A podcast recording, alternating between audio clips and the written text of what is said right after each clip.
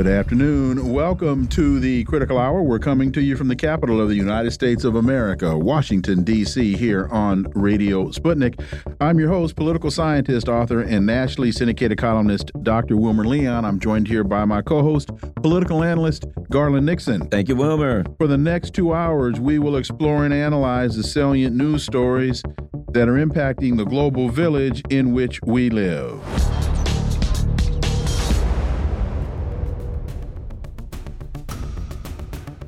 Well, the debate and the struggle continues uh, in Kiev as it appears as though the green light has been given for them to go into Russia. For insight into this, let's turn to our first guest. He's a uh, Moscow based international relations and security analyst, Mark Sleboda. As always, Mark, welcome back.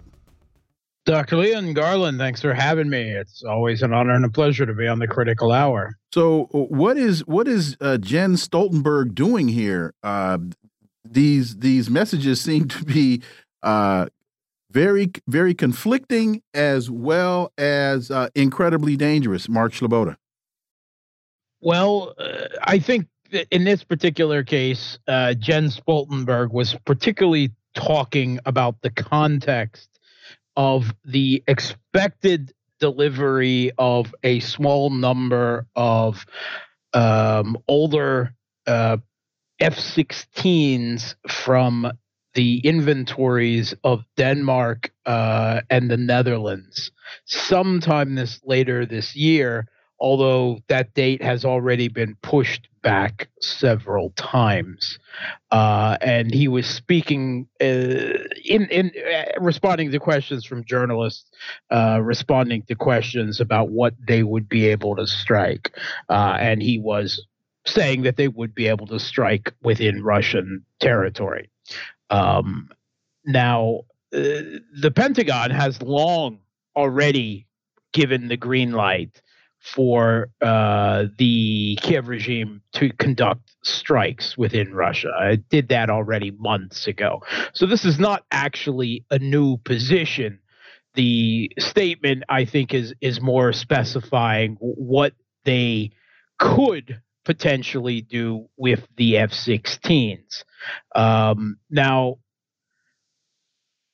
from what I have been able to ascertain about the number of F 16 pilots now being trained in Western countries, and we're primarily looking at the United States, and then the United Kingdom and Denmark are basically conducting a joint program together where the UK begins the training, which their F 16 training for Ukrainian pilots mostly consists of language lessons because the United Kingdom doesn't actually fly the F-16. They they don't have them. They have their own uh, tornadoes. They they don't fly the F-16, but they get some language lessons there. So there are, from what I can tell, between the U.S., which has announced that they intend to train, right, have not done so so far, uh, some 12 pilots Ukrainian pilots this year to fly the F 16. And there is a potential 16 more uh, in the uh, UK and Denmark, although at least half of those are still at the we need to learn, you need to learn basic English. Uh, particularly regarding aircraft terminology, before you could even begin to learn to fly the F 16. And let's be honest, the amount of training that these pilots have gotten is about enough to fly them up into the air, but doesn't really make them capable of conducting dogfights in F 16s. But that is almost certainly not what they're going to be used for anyway. The reality is on the Ukrainian battlefield that there is only a relatively small portion of Ukrainian airspace uh, encompassing an area of western and some of central Ukraine, where the Kiev regime can freely fly their own aircraft without the constant threat, uh, the very real threat of being brought down by Russian air defense systems, long range air defense systems like the S 400. Um, so um, the same thing will absolutely be true of the F 16. Uh, the F 16 is no more capable than, say, uh, the Su 24 that the Kiev regime uh, has been flying already. Um, my understanding is that primarily these F 16s will be used in uh, two roles. One is to provide additional air defense over cities like Kiev, firing air to air air defense missiles. Um, and the other role is to um, launch uh, the Storm Shadow and Scalp cruise missiles provided by the United Kingdom and France uh, with uh, about 150 mile range. Um, the Kiev regime has been firing them off of Su 24s, fighter bombers, but they have a very dwindling inventory, like a handful of them left, and they just lost another one in the last 24 hours, according to the Russian Ministry of Defense. And in case you hadn't noticed, how much have you heard about the storm shadows and scalps uh, doing any significant damage to Russia lately? You haven't. Uh, and the reason for that is Russian air defense and electro- electronic warfare have an interception rate, at least, at the very least, of 60% uh, over uh, these uh, Western cruise missiles. Uh, it's probably much higher than that. Uh, the opportunities that the Kiev regime has struck probably mostly have occurred when they have managed to conduct strikes where air defense and electronic warfare is not currently active. So the F 16s firing these missiles, you know, again, these will be older planes from the 1980s. They are not a wonder weapon. They might have been a pretty good plane back back in the era of Top Gun and Maverick, but they're not anymore. These are old planes. They're not even from US inventories. The US has no intention of sending any out of their inventories. And the whole reason these are being sent by Denmark and the Netherlands is because they are outdated and they wanted to get rid of them and replace them with the F 35s anyway. Uh, and the U.S. gave them a sweetheart deal if they'd send them to Ukraine. That's it. These are are not going to significantly change the battlefield. Uh, certainly not a handful of F-16s flown by a potential maybe 30 Ukrainian pilots. Maybe they'll all get there you know, in a a, a time frame. Uh, I don't think they'll all be arriving at one time. So maybe even half of those at a time. And I mean, if let let's just check Western military sources about how many aircraft Russia has. 3,649 aircraft in their current active inventory.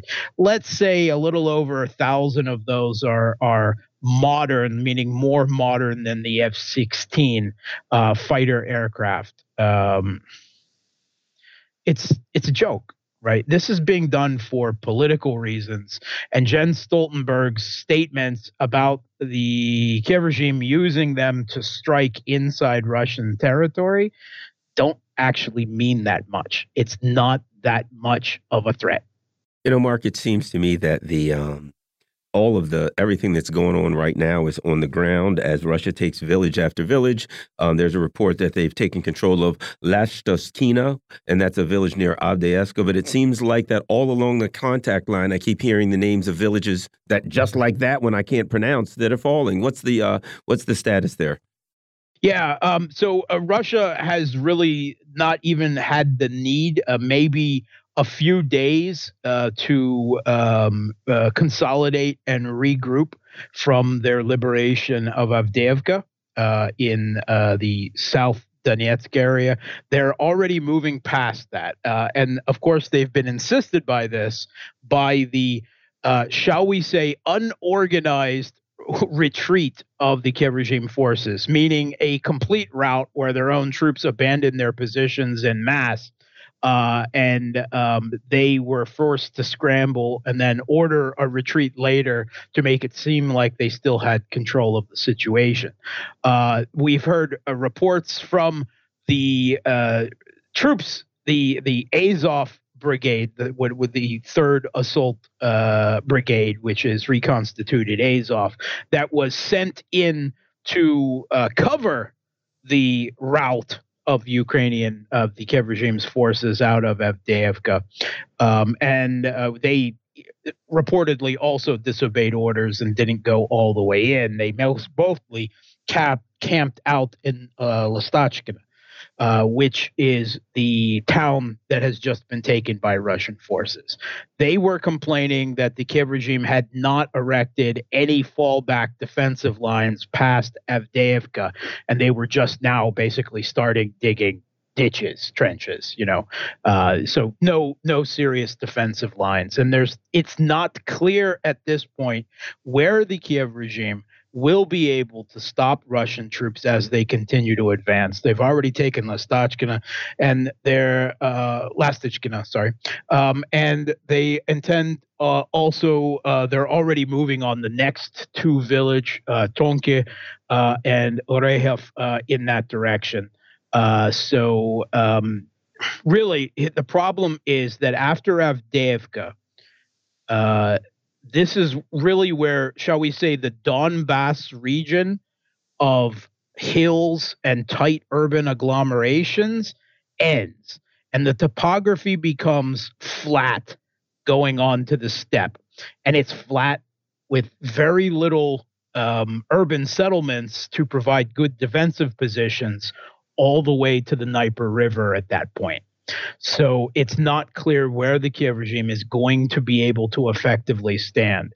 And where they have tried to stand now without serious fortified defenses like they had in Avdiivka, like uh, uh, and the next two towns on the line, which Russia, again, is already taking, um, they're being absolutely pounded by Russian guided glide bombs, the FABs in the 500, 1,000 kilogram, and 1,500 kilogram variety. Uh, the Kiev regime has not been able to muster any short or medium range air defense, even uh, over the battlefield era and uh, area. And over Avdiivka, over uh, these towns just to the west of it, Russia has complete air superiority and can use these guided glide bombs with impunity. They launched over 500 of them on Avdiivka. And in one day in the last week, they dropped 60 of them on Lastichkina.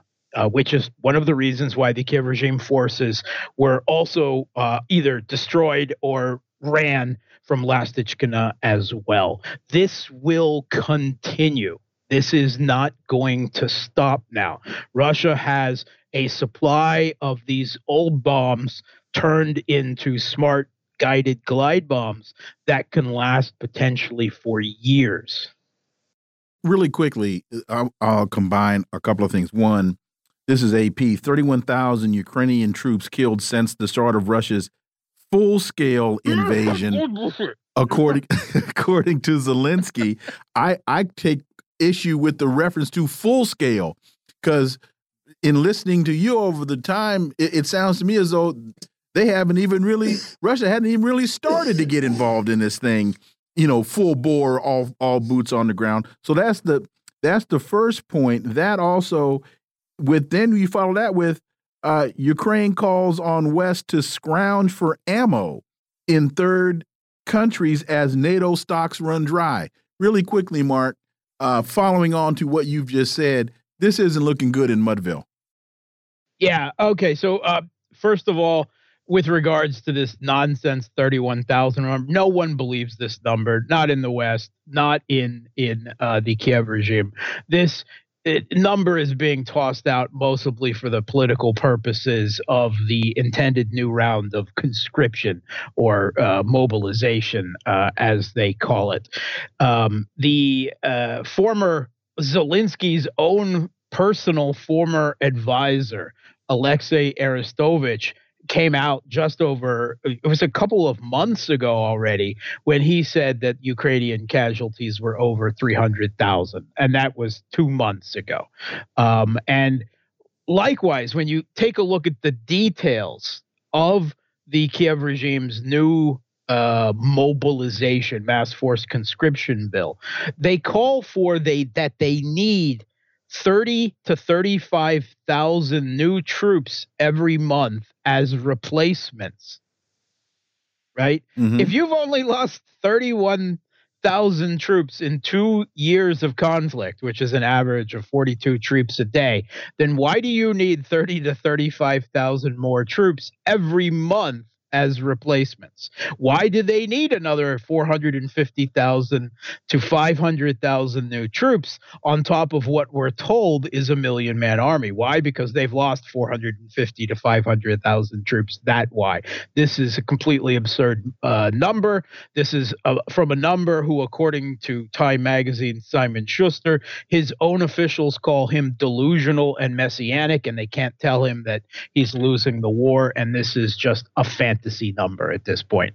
It's it's not serving the interests of the Kiev regime's propaganda because no one either in Ukraine or the West believes this number. And it's not doing a service to any Western outlets who uncritically repeat it and add to bad analysis of the state of this conflict that has plagued Western media reporting and military analysis going forward because they are they're they're drinking their own Kool Aid and they're crippling their own um, uh, reporting and military analysis by relying on these propaganda numbers. Mark Sleboda, as always, thank you so much for your time. Greatly, greatly appreciate that analysis, and we look forward to having you back. Thanks for having me. Folks, you're listening to the Critical Hour here on Radio Sputnik. I'm Wilmer Leon. I'm joined here by my co host, Garland Nixon. There's more on the other side. Stay tuned.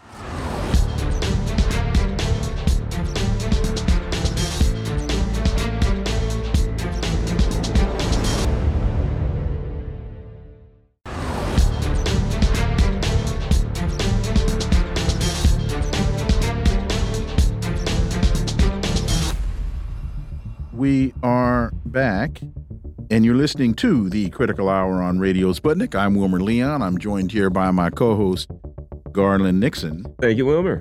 Counter Information has a piece entitled The Human Rights Industry and Nicaragua. It's by John Perry. Uh, why do UN human rights bodies focus on some countries but not others? Why do organizations like Human Rights Watch and Amnesty International appear to ignore important evidence presented to them? And why do the media repeat stories of human rights abuses without questioning their veracity? Well, for insight into this, let's turn to our next guest. He's a U.S. labor and human rights lawyer, writer, author, and activist. He's been a peace activist throughout his life. He's been deeply involved in the movement for peace and social justice in Colombia, Venezuela, Nicaragua, and other countries in the global south.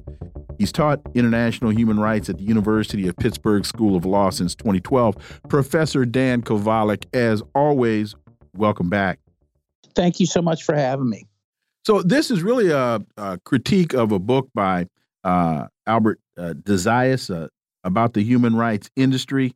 And the base of the industry consists of small local organizations, which de Zayas points out that in some cases they do excellent work. However, he qualifies this by saying there are few fields that are as penetrated and corrupted by intelligence services as the human rights NGOs. Professor Dan Kovalik. Yes, well, the West has been using human rights and human rights organizations for decades as really a bludgeon against mostly uh, movements in the developing world for for social justice.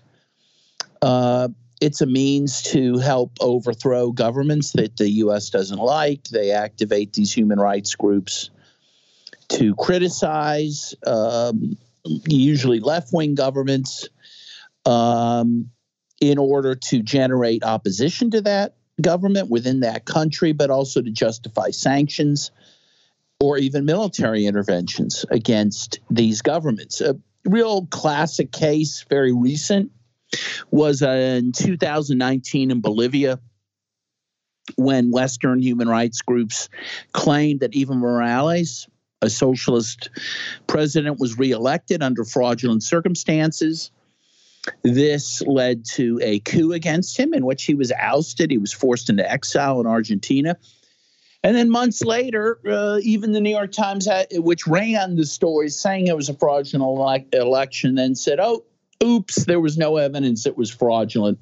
but by that time he was overthrown. And this is a classic case of weaponizing human rights and human rights organizations against governments that the U.S. does not like. How do you think the U.S. support uh, for the uh, current um, genocide in Gaza is going to affect the, you know, the the the ability of the U.S. Uh, uh, empire to use human rights to go after its adversaries in the future? Well, I'd like to think that it will lessen that ability, that that that, that the hypocrisy of the West and the U.S. has been exposed, that people will see that they use human rights selectively for their own political purposes, and that when it really counted in this genocide in Gaza, the U.S. was fully behind the genocide, and all of a sudden its alleged concerns about human rights went right out the window. I hope that's the case my fear is that people in the West, in particular, and in the U.S., they don't have long memories, right? They they're lied into every war. You know, like the weapons of mass destruction. Everyone ends up admitting, "Oh, yeah, that was a lie," uh, but we went to war with Iraq anyway. Uh, but they're ready to be lied into the next war. That's, you know, I'm sorry to say that, but that's what I see so often. de Zayas estimates estimates that perhaps 30% are penetrated, a remarkable assertion that must be taken seriously given his knowledge. Of, he goes on to warn particularly about uh, organizations that are funded by the National Endowment for Democracy and George Soros's Soros's Soros's Open Society Foundation. We can see what happened, for example, here in the United States once George Soros got his tentacles into um, Black Lives Matter. Uh, that that basically just became watered down and, and neutralized. Uh, talk about and and and it's interesting because the titles of these organizations they sound very philanthropic. They they sound incredibly progressive and the National Endowment for Democracy.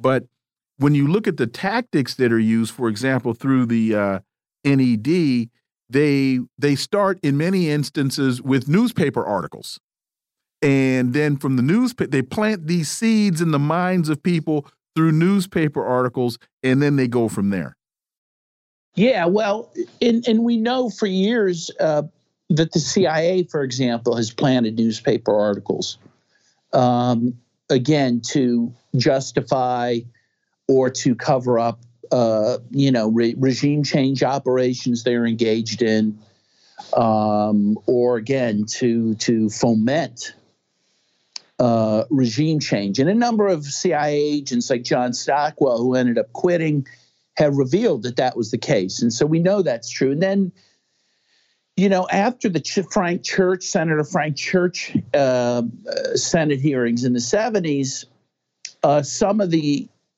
um, you know, regime change operations of the CIA were taken away and given to the new organization called the National Endowment for Democracy that you just mentioned, right? And so, and that was very openly done by Ronald Reagan. So, you know, whatever, you know, name it calls itself, it is a regime change change organization. And as you say, um, a lot of these regime changes, uh, you know, involve um, stories being planted in the newspaper. Um, and that happens all the time. And again, we end up learning about it after the fact, usually when it's too late. Speaking of regime change operations, or Orinoco Tribune reports the former United States ambassador to Venezuela, William Brownfield, has called on the Biden administration to tighten sanctions on South American nation. In his opinion, he said it is the only way to overthrow the sovereign government of President Nicolas Maduro. Interesting, uh, completely illegal violation of international law, violation of U.S. law, but we know they don't pay any attention to that. Your thoughts on it, Dan? Yeah, well, it's it's it's really heartbreaking because, as you suggest, we don't have the right to overthrow other governments to begin with. So the intention in and of itself is wrong. But even putting that aside, you know, um, various U.S. bodies that have looked into this have, have concluded that these sanctions regimes don't result generally speaking, in, in successful regime changes in any case. All they do is cause suffering for the most vulnerable in the population. And that's what's happened in Venezuela. And if the U.S. increases sanctions, that's what it will it will do and continue to do, and even, um, you know, it will exacerbate the humanitarian situation in Venezuela, probably without resulting in regime change. So, you know, by any metric, it's a terrible thing to do. And you mentioned a little earlier that Americans have very short memories, and Venezuela is a perfect example because folks are running uh, behind the trail of uh, Ms. Machado, and and folks seeming seem to have already forgotten the name of now I forgot the guy's name of uh, Juan Guaido. Juan Guaido. yeah, so you know she's she's been found by the Venezuelan Supreme Court not to be qualified to be a candidate because she uh, took action against the country of Venezuela on behalf of another nation. I don't know of any nation in the world that would allow an, a candidate to do that. I think in the United States that's called treason. Um, but somehow the United States wants to ignore all of that, champion her as some viable candidate. And there are those, and you may have been one who said on this program that they really want to lose, they really want to back her knowing she's going to lose, because then that that enables the United States to further the narrative that the election was fixed. Yeah, well, that's right. Either they, right. If she wins, the the U.S. wins because they get the person in. If she loses, the U.S. wins because, as you say, then it will uh, delegitimize the elections and um, again justify the U.S.'s continued regime change operations. So yeah, that's why they need these kind of puppets again, like Juan Guaido, who they used for years uh, in that way. They also used him to loot Venezuela billions of dollars of assets. Um, again, there's an old term used for this. They're quislings. These are quislings mm-hmm. the U.S. uses in these countries. They tend to benefit. They tend to make a lot of money on the deal, and uh, meanwhile, the U.S. Uh, you know, can use them to undermine uh, governments the U.S. does not like. Well, you know, I've wondered, um, uh, uh Dan, you know, when I see the ICJ move um, against uh, uh, the, the, against the Israeli government, is that something that say Venezuela could do? Because you know, heaven knows they've got enough evidence to bring a case. Well, they could, I think. Um, yeah, because the sanctions regime against Venezuela is illegal. Uh, there's been a number of UN expert reports, including from Alfred de Zayas, saying that tens of thousands of people have died due to these sanctions. So, sure, they could go to the ICJ. You know, the problem they may see is that, you know, is what we're seeing right now with the ICJ decision, um, at least preliminary decision against Israel in the genocide case, and that is that they don't have any enforcement mechanism. And uh, you go there, you win your case, like Nicaragua did against the U.S. in 1986 when they challenged the Contra War. And it doesn't change conduct. It does not change the conduct of the United States um, that sees itself above the law. You know, so that's that's kind of the reality. Because no one be, there behind those judgments, no one is ever held accountable uh, called to task and sent to jail. Professor Dan Kovalik, as always, thank you so much for your time. Greatly, greatly appreciate that analysis, and we look forward to having you back. Thank you very much. Folks, you are listening to the Critical Hour on Radio Sputnik. I'm Wilmer Leon. I'm joined here by my co host, Garland Nixon. There's more on the other side. Stay tuned.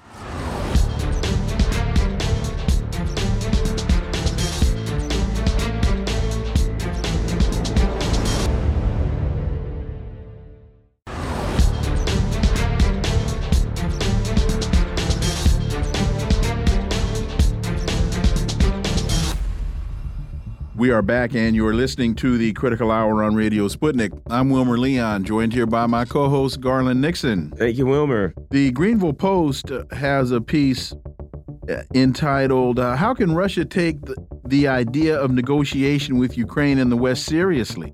How can Russia do that? Well, for insight, let's turn to our next guest. He's a former U.S. Marine Corps intelligence officer who served in the former Soviet Union implementing arms control treaties in the Persian Gulf, operating uh, during Operation Desert Storm and in Iraq, overseeing the disarmament of WMD.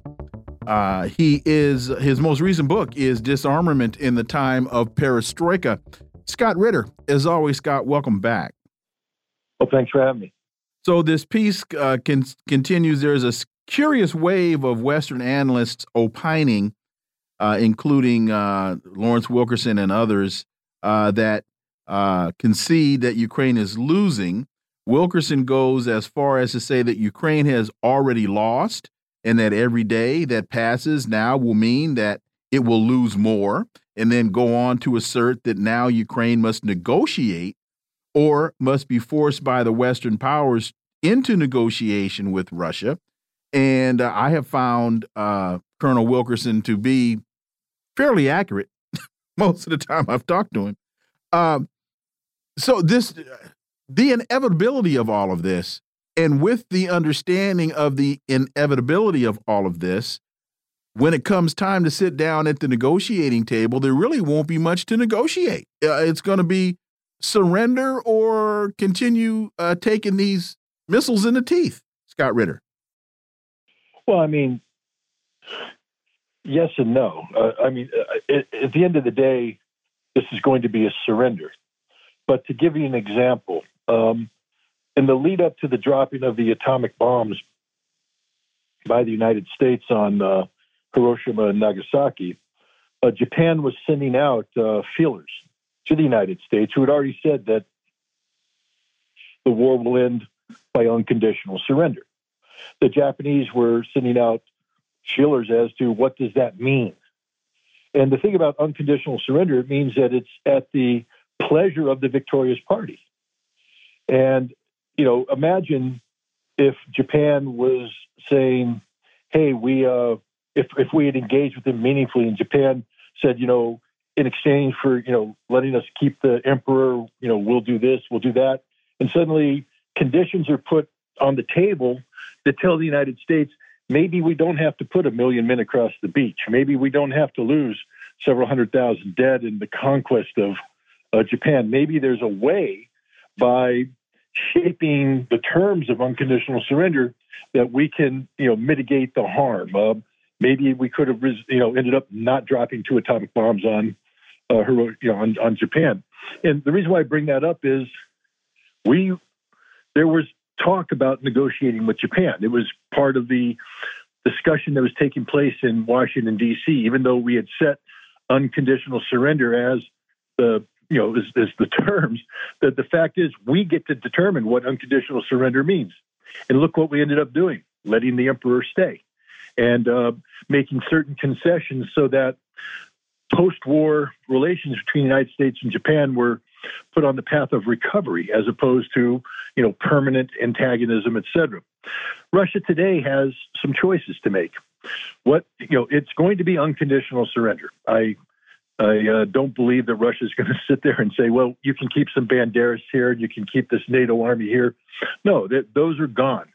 But how we get to that and what that looks like, what the end game looks like, is something that Russia can weigh in on. And Russia also wants to rapidly transition from, you know, conflict termination to how do we repair relations with Europe? How do we, you know, get away from this war footing? It's not in Russia's interest to have a permanent state of conflict with Europe, to be on a perpetual war footing, to continue to have military industry cranking away um, to produce weapons that, you know, if you go to war, they're useful, but otherwise they just fill up warehouses when you could be doing, um, you know, production that would be more conducive to the benefit of Russian society. So, I do believe that there is room to negotiate, but it's the negotiation is, you know, what is Ukraine willing to concede um, without fighting?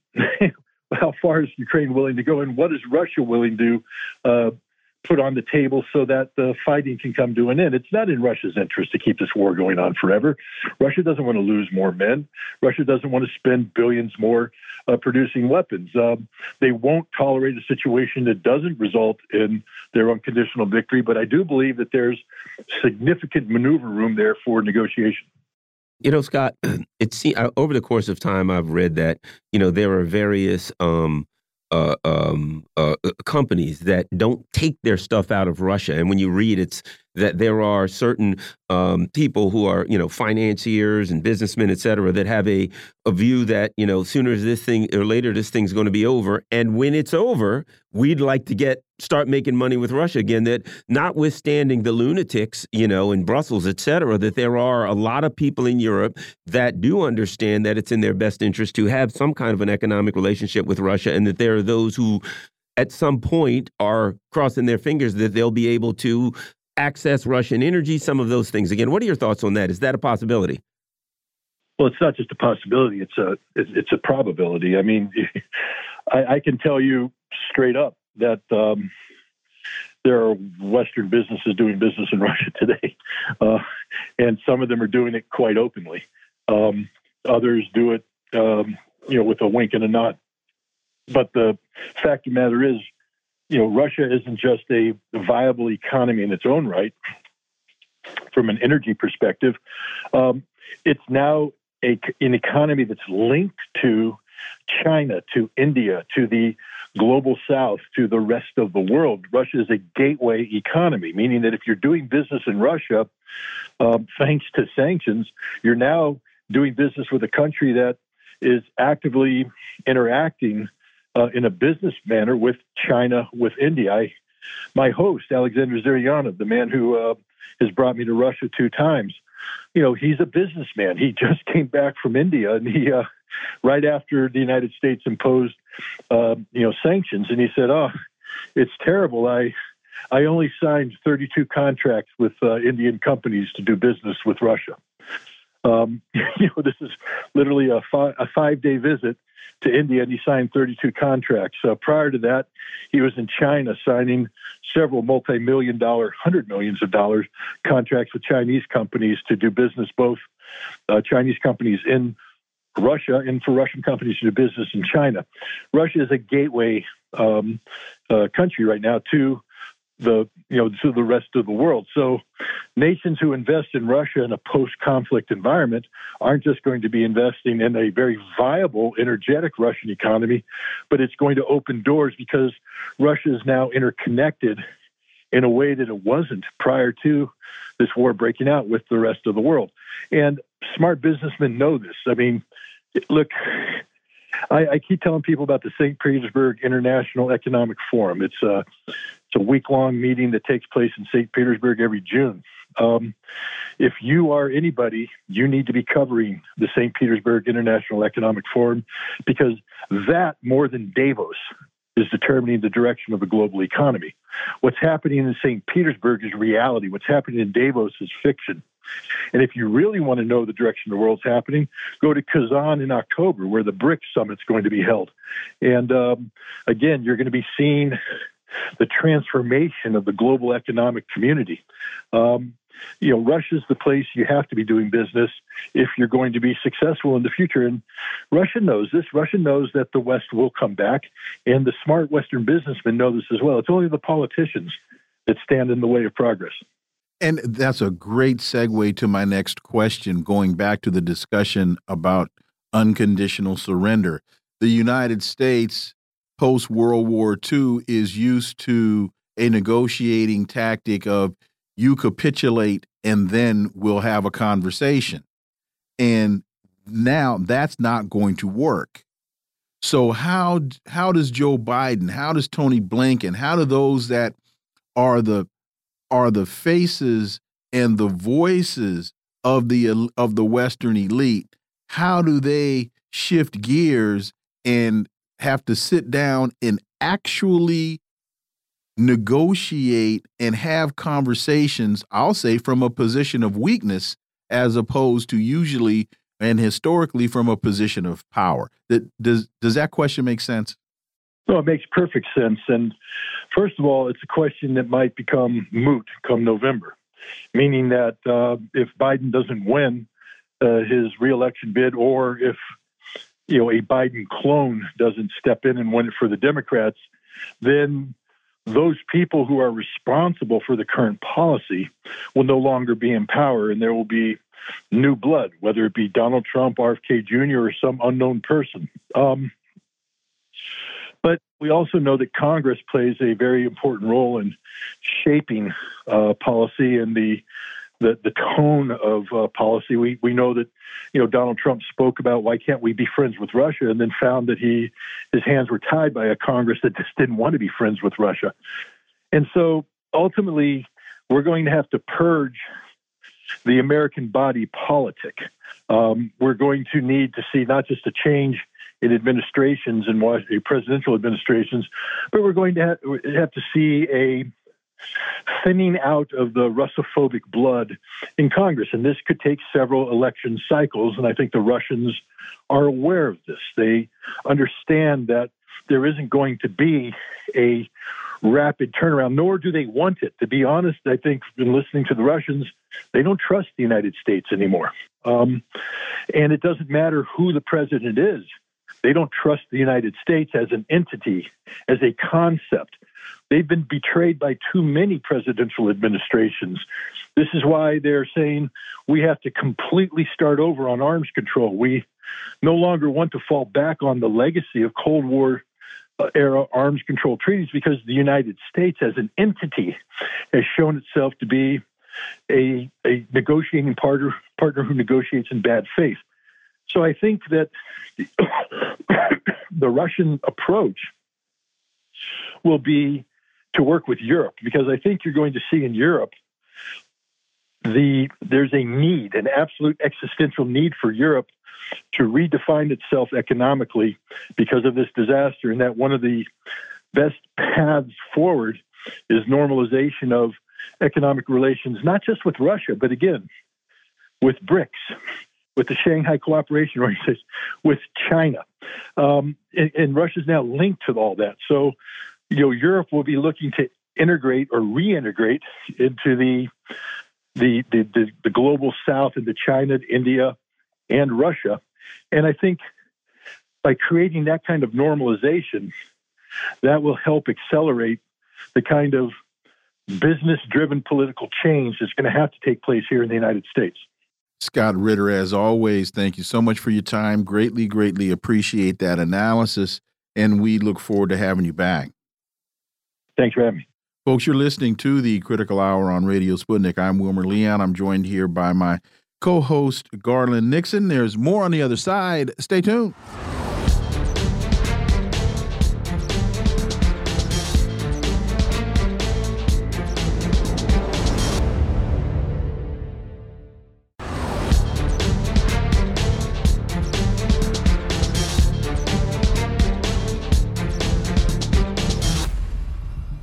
We are back, and you're listening to the Critical Hour on Radio Sputnik. I'm Wilmer Leon, joined here by my co host, Garland Nixon. Thank you, Wilmer. The Guardian reports Trump soundly defeats Nikki Haley in South Carolina Republican primary.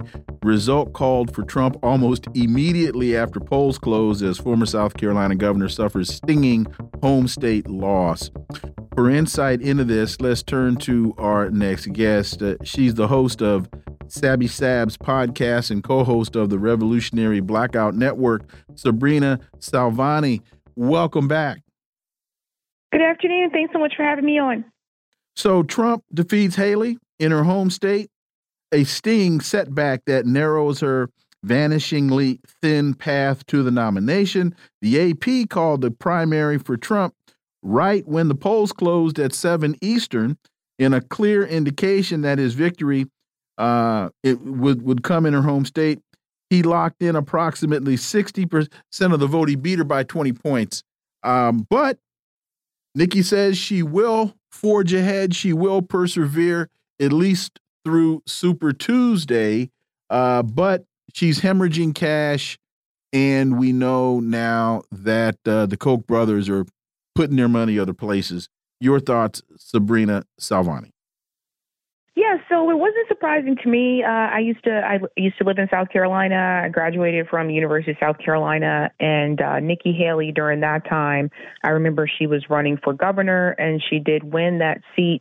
Uh, but what I think some people may not be aware of is that even though she won that gubernatorial race uh, during her governorship, that was also during uh, the shooting of Dylann Roof uh, where Dylann Roof walked into the AME church and he killed uh, nine uh, black people at the church in Charleston. And it was after that shooting that Nikki Haley decided that it would be best to remove the Confederate flag from the State House of South Carolina.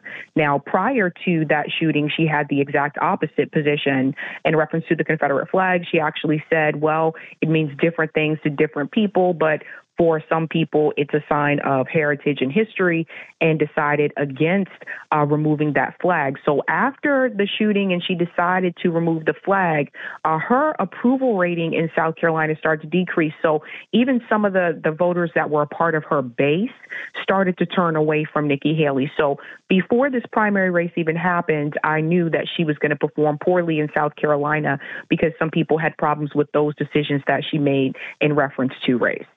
And um, it appears to me, I'm going to throw this out to you, that her job's to hang around in case, you know, whatever Trump drops dead, they're able to get him out through charging him with something. They're somehow able to dispense themselves of Donald Trump, that she'll be sitting there and boom, they can swipe her, sweep her right in. But I don't think it's work because work because I don't think anybody in any party likes uh, Nikki Haley. Your thoughts?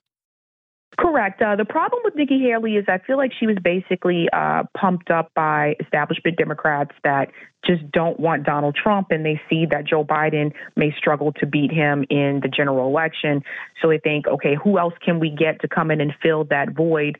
Someone who is also a neocon, someone who is for the wars, uh, but someone that is not too far to the right or too far to the left, as they would put it.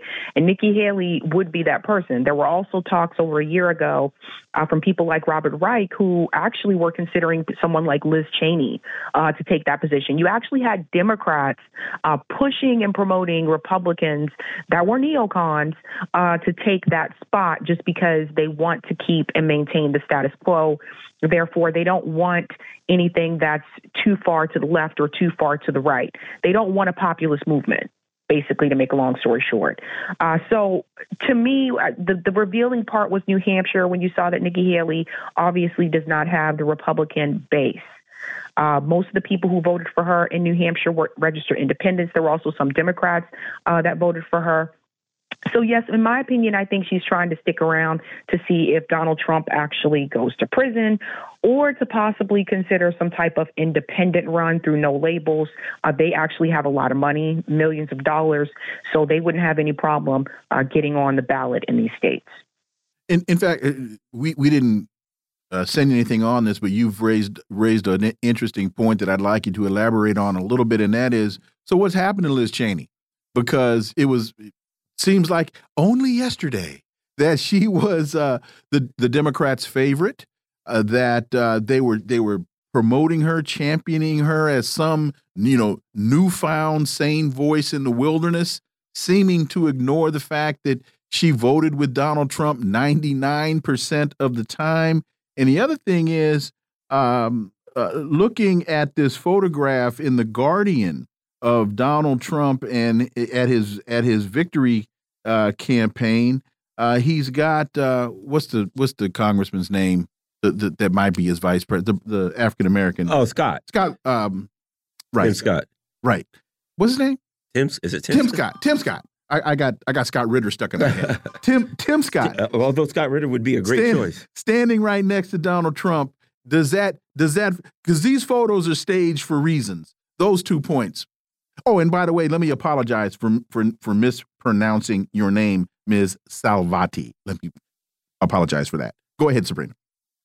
Yeah, so Tim Scott again, another one uh, from South Carolina, and I, I also thought it, the timing was a little bit suspect, and maybe I'm just being a little uh, conspiratorial here, but I thought the timing was a little bit suspect that he just happened to get engaged like right before mm-hmm. uh, the South Carolina primary, almost kind of hinting towards that he would love to be Donald Trump's VP, and it would look better if he actually had a significant other um, or was on that step to actually get married if he's not married already. Um, so I thought that was pretty interesting. Uh, you know, Tim Scott kind of just goes along with what what the Republic Republican Party is doing at that point in time.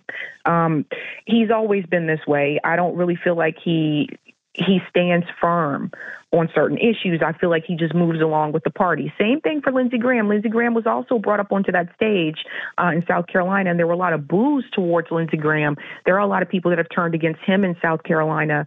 And so I think that what it shows you is that you know, Donald Trump is still willing to work with different parts of the Republican Party. And I think, I also think it's, it's very telling that he brought someone up there like Lindsey Graham because that shows you, you know, is Donald Trump really going to try to go against the deep state? I think not. And what about Ms. Ms. Cheney? Because uh, it, it, what kind of desperation does that show on behalf of the Democrats when when Liz Cheney can be again? When, I'm sorry, Lynn Cheney. Liz is her mother, I think when uh, when when Liz uh, can be heralded by the Democrats as some kind of I don't know valuable figure, redeemed. That's what I was looking for. Right, she's status quo. They're just looking for someone that's not a social democrat. Like they don't want a Bernie Sanders style uh, candidate, but they also don't want a Donald Trump candidate. So both of those people represent different types of populism, right? So there's left populism, there's right uh, populism. They don't want that. They want someone that's kind of middle of the road. They agree with the wars. So they're, they're neocons. They support the state of Israel. That's going to be a really big one. Uh, and, and they're all for the military industrial complex and they're going to support Wall Street. That's what they're looking for. What do you think? Um, there's a, uh, a story out now about a, a man who um, set himself on fire outside the Israeli embassy in Washington D.C. A, um, a, a U.S. serviceman. Um, apparently, unfortunately, he is now perished. Your thoughts on this story?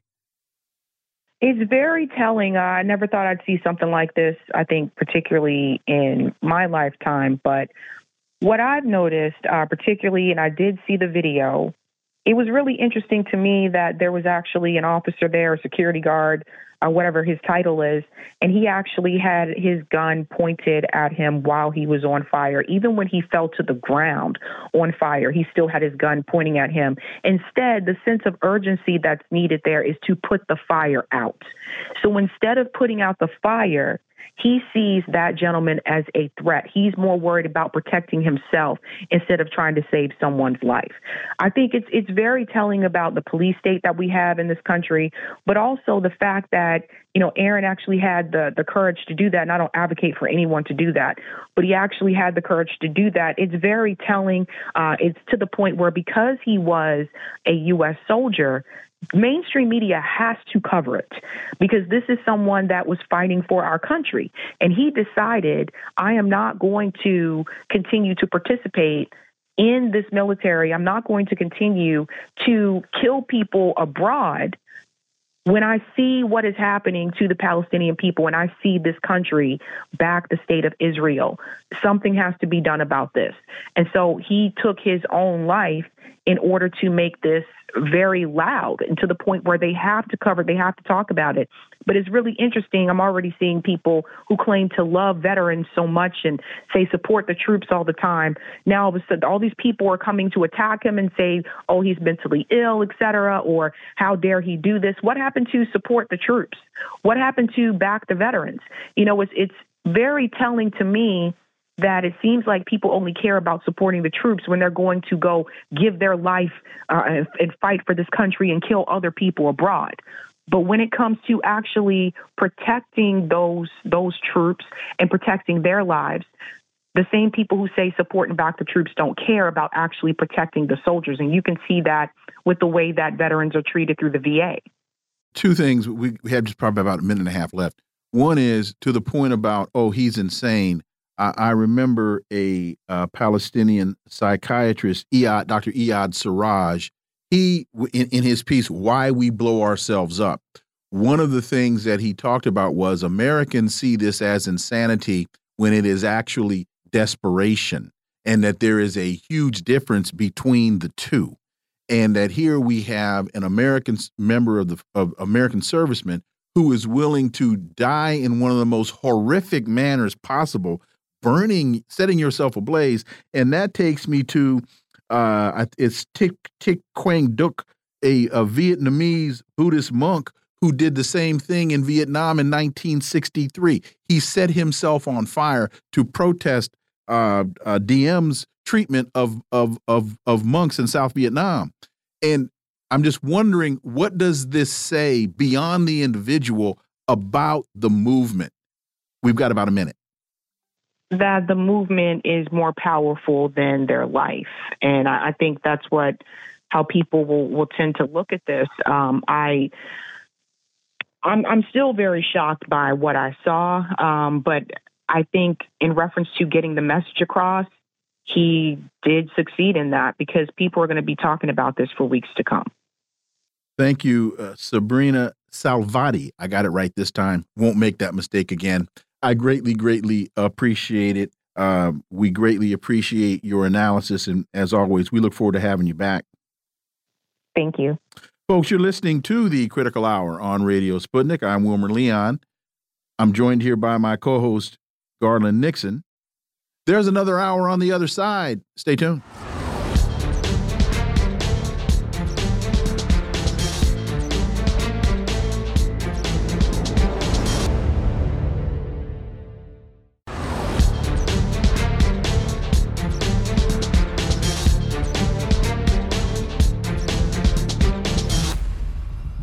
We are back, and you're listening to the Critical Hour on Radio Sputnik. I'm Wilmer Leon, joined here by my co host, Garland Nixon. Thank you, Wilmer. The uh, South China Morning Post has a piece Taiwan fears that stalled Ukraine aid foreshadows their future if China invades. The that's so silly. Uh, Taiwanese officials have expressed concerns about stalled U.S. aid to Ukraine, fearing implications for U.S. defense support in the event of a Chinese invasion. Uh, for insight into this, let's turn to our next guest. He's a writer, he's a teacher, he's a peace activist, a, a political analyst. KJ Noh, as always, KJ, welcome back. Thank you. Pleasure to be with you. So it's reported that during a three-day visit to the self-governing governing island, uh, Taiwanese officials repeatedly questioned visiting U.S. congressional delegation about U.S. support for Ukraine. U.S. and senior Taiwanese officials um, asked, uh, Taiwan is extremely interested in Ukraine and extremely worried that we might walk away from Ukraine. Mike Gallagher, Mike Gallagher, the chair of the House Select Committee on China, told reporters. Uh, KJ, a couple things. One, Taiwan, they should be extremely interested in Ukraine because as a as a proxy, they seem to be on track to follow the same fate. And if they follow the same fate, funding will be the least of their concerns. And this whole thing about a uh, a, a, a possible Chinese invasion, well, they seem to be complicit in creating the very dynamics that and it, I don't know that it would be considered an invasion as much as it would be an act of defense on behalf of China. Your thoughts, KJ? No. You're absolutely right. I mean, currently the Taiwanese delegation is soiling their underpants because they're very, very afraid that they will see the same fate as the Ukrainian proxies. The U.S. is grooming uh, Taiwan uh, to act as the same proxy as as the Ukrainians were. And you're absolutely right. Funding will be the least of their problems. What we're really looking at is uh, using uh, Taiwan, you know, to the last uh, uh, human. Uh, and you're also absolutely correct. Taiwan is part of China. This is what is understood in the Taiwan Constitution in the PRC Constitution in the United States, in the United States, and everywhere around the world, including, uh, you know, UN Resolution 2758. And so if China were to uh, engage uh, kinetically on Taiwan Island, it would be because of U.S. and Taiwan DPP provocation. And in fact, I have just recently written an article that the U.S.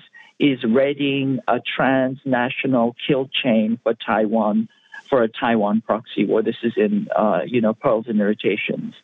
And so you're absolutely correct. They have every, uh, you know, uh, right to be uh, to be scared.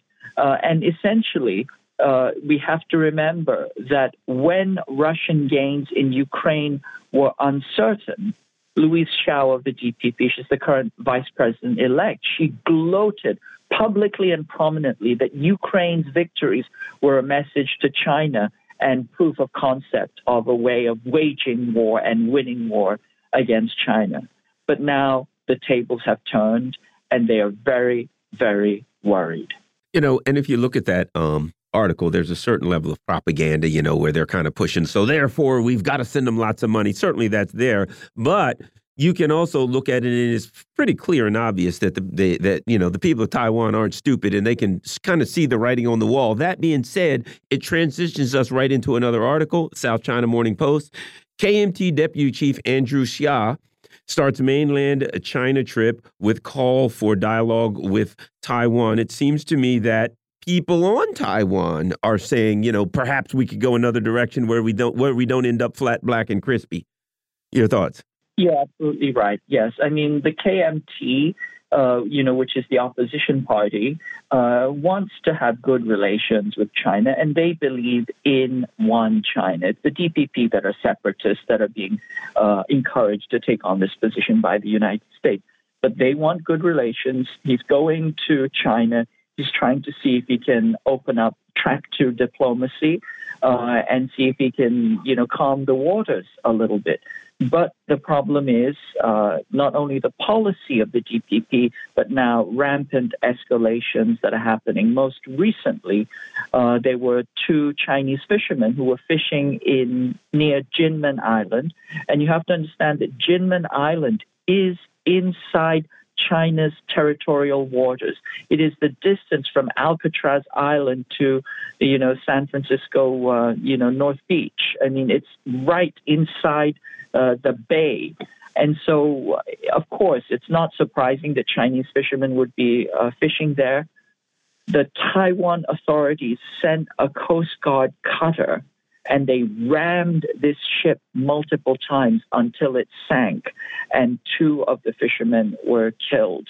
And now, you know, uh, there is, you know, considerable consternation and anger uh, on the mainland. As I said, the KMT has dialogue channels with the mainland side, but we are not the ruling party and are not authorized to talk with Beijing to resolve the issue. He said his trip would focus on meetings with Taiwanese business people, students, and residents based on the mainland, and there was no plan for him to meet with mainland officials. So this sounds like really it's a populist appeal. It's an appeal, it's a practical appeal to the people and saying, I, am going, we're looking at this pragmatically in terms of business and in terms of familiar relationship. This is not a government conversation. Uh, that to me makes a whole lot of sense. It makes a whole, whole lot of sense, and it's essentially what also they're reduced to that is people to people uh, dialogue, civilian dialogue, track two dialogue. And of course, you know, there are over half a million, probably close to, you know, over a million uh, Taiwanese, uh, you know, who live on China or do business or to study there. But the DPP is adamant in its approach to want to cut off these relations, isolate, and in certain cases, criminalize these relations. So, this is a strong uh, statement of affirmation of the relationship between the mainland and the islands. Uh, and uh, an attempt to de escalate uh, some of the immediate tensions that have been happening, including the killing of two Chinese fishermen. You know, and if you look at it right now, if you look at the, US, the U.S.'s closest allies, Ukraine, the future ain't looking real bright for Ukraine. And let me add this: and Israel, another you, you know, the, the, the, the both of them are involved in um, military uh, conflicts right now. Both of them, the U.S. is pumping weapons to them as best it can. And both of them, the future to say the future looks bleak would be an understatement. Taiwan, as uh, I, hate to go back this, but you've got to look at U.S.'s two biggest allies and then say not only that even if they wanted to give us weapons, it's obvious that they couldn't do it. And if a better ally, namely Israel, came along and said, "Hey, we want more," they just drop them like a hot, like you know, like a sack of potatoes. Um, your thoughts? Yes, I mean this is absolutely true. They have nothing more or very little more to give. They've been press gang in. Uh, they've been press ganging South Korea to render all of its weapons, and uh, to the current moment, South Korea has you know, donated more, supplied more weapons, more munitions than the entirety of the EU itself. But, you know, this is a, a losing game. Uh, and, uh, you know, the U.S. allies, I, am sure they're very clearly aware of this, uh, that they they are on the wrong side, but, you know, they're still holding on. Uh, and at the same time, uh, you know, it's very, very clear that uh, that the U.S. still feels the need to hold out on Ukraine to wage a two front war, which it asserts that it can do, because at the very least, it needs a respectable interval before it cuts and runs. Otherwise, it sends an immediate message to all of its vassals and proxies uh, that it is an unreliable partner and therefore the proxies will be that much less willing to fight. Uh, another piece in Pearls and Irritations, quite literally, China builds while, Amer while America bombs, and this study proves it. They, they, this is a critique of a, of a new study from the Center of Economic Policy Research. The U.S. is the world's sole military superpower. It spends more on its military than the 10 next highest spending countries combined, according to Richard Baldwin, the study's main author. China is now the world's sole manufacturing superpower. Its production exceeds that of the next nine largest manufacturers combined. And I'll add to that, KJ, there's another article that we're going to talk about later where it's an analysis that the United States, that, that, that Joe Biden is preparing to put the United States into a, a continual war footing, which is really unsustainable based on the current economic structure of the United States and the fact that it has deindustrial deindustrialized, that's a that's a great kind of theoretical thing to talk about, but it, it, it is it is practically unsustainable. Uh, and I think this study is is uh, is a corollary uh, uh to that. Your thoughts, KJ? No. Well, I mean, you're hearing this from all uh, quarters uh, of the ruling elite. I mean, the Council on Foreign Relations is saying that we need to shift to industrial war footing immediately to wage war against China. But you're absolutely right, and this article is absolutely right. Uh, China builds and the U.S. bombs. The business of the United States is war the U.S. military budget is not only larger than the 10 next, uh, uh, you know, uh, countries below it, but it is actually larger than 188 countries combined. And so it is an extraordinary, distorted, uh, you know, system.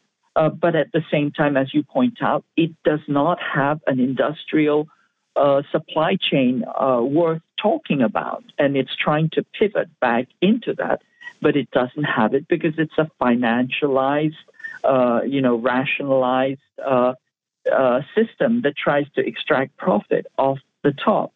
And therefore, you know, it is very, very foolhardy what it wants to do. It wants all things. It wants to be the top dog. It wants to militarily uh, threaten and push around everybody else at the same time that it does not have that industrial capacity. And therefore, its only resort, once again, is to resort to further threat mongering, further military action, uh, and further sanctions. The other part, KJ, is this, and that is military industry is inherently um, bad for your economy. It's inflationary because you can't do anything. You can either store or blow up bombs once you make them. So the other thing we see is as the U.S. industry gears towards military, we see more homelessness and poverty. Wherein China's industrial capacity increases and the economic uh, uh, life, uh, the um, the uh, uh, basically economic health and prosperity of the people in general increases. We got about a minute. Your thoughts? You're absolutely right. Go to China, you will not see any homeless. You look high and low, you won't see homeless. You see people's lives continually improving. In 1980, China had the uh, you know the GDP of Haiti. Uh, now uh, China is you know the richest or the second richest country on the planet. What they do is they build use value. What the United States builds is uh, profit. And that profit extracts everything to the top, immiserating and creates suffering for the vast majority of people, not only in the United States, but also on the planet.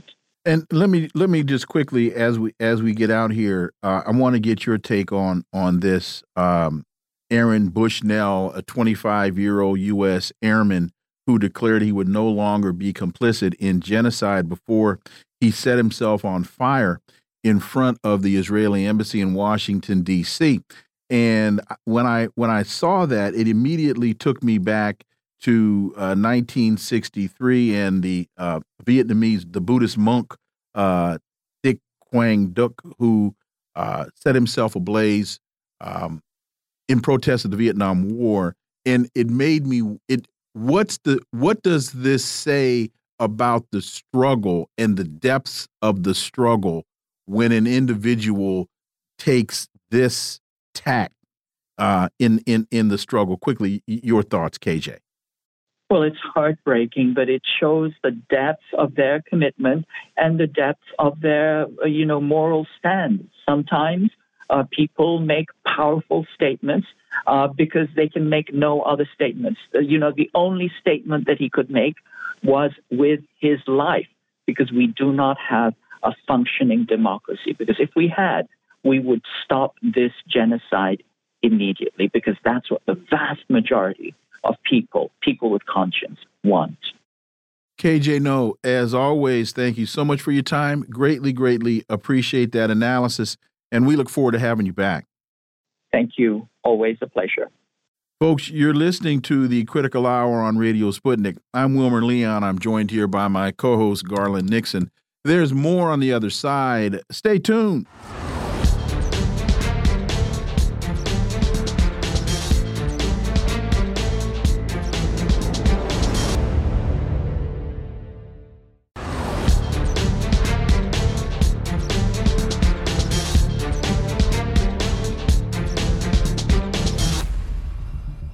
We are back, and you're listening to the Critical Hour on Radio Sputnik. I'm Wilmer Leon, joined here by my co host, Garland Nixon. Thank you, Wilmer. Consortium News has a story Biden DOJ indicts journalist for Tucker Carlson leaks. Timothy Burke, a Tampa based media consultant and former Daily Beast staffer, was hit with more than a dozen federal charges in an action that rises press freedom or raises press freedom concerns. For insight into this, let's turn to our next guest. He's an independent investigative journalist and author of three books The Frozen Republic, The Velvet Coup, and America's Undeclared War. Daniel Lazare. As always, Dan, welcome back. Uh, thanks for having me. So it's a 26 page indictment against Burke. It was revealed this past Thursday, accuses him of utilizing compromised credentials to gain unauthorized access to protected computers and uh, scoring, uh, scouring those protected computers for electronic items and information. Uh, the indictment doesn't explicitly mention Fox or Carlson, uh, but the Tampa Bay Times reports that it says Burke accessed a video stream of an interview featuring a show host for a multinational media company based in New York the same day Carlson's interview was sent west and and aired. Uh, your thoughts, uh, Dan? Dan, it, they're really trying to tighten the screws here. Daniel Lazare. Yeah, it's a it's a really interesting. I mean, it's an interesting case, of course, for for Timothy Burke, it's it's much worse right. than that. He's uh, he's been he's uh, been hit financially, professionally. It's really a big deal. But for the rest of us, it's it's very interesting because he's not really accused of theft. He's merely accused of downloading information that he found on the internet.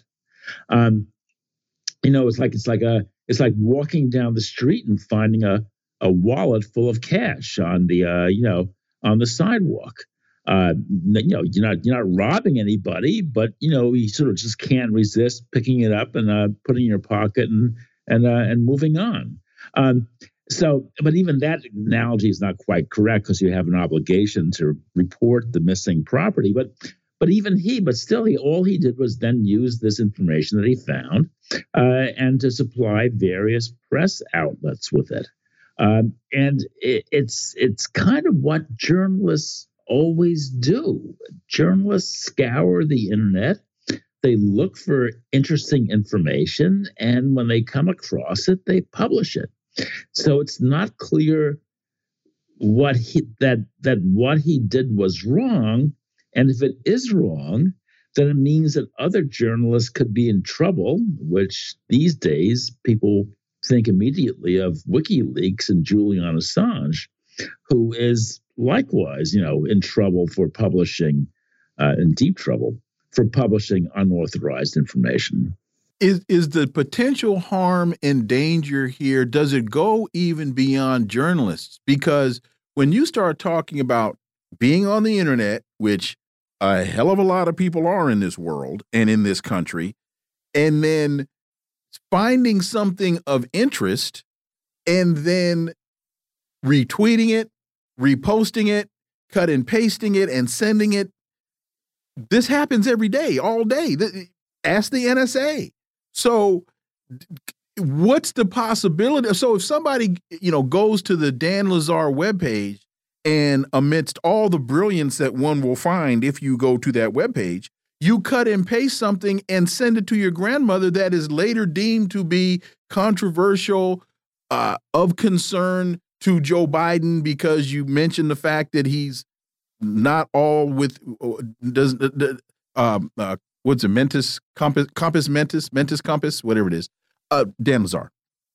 Yeah, no, I think you're right. It's it has it's it's it's it seems really odd, and it seems really dangerous.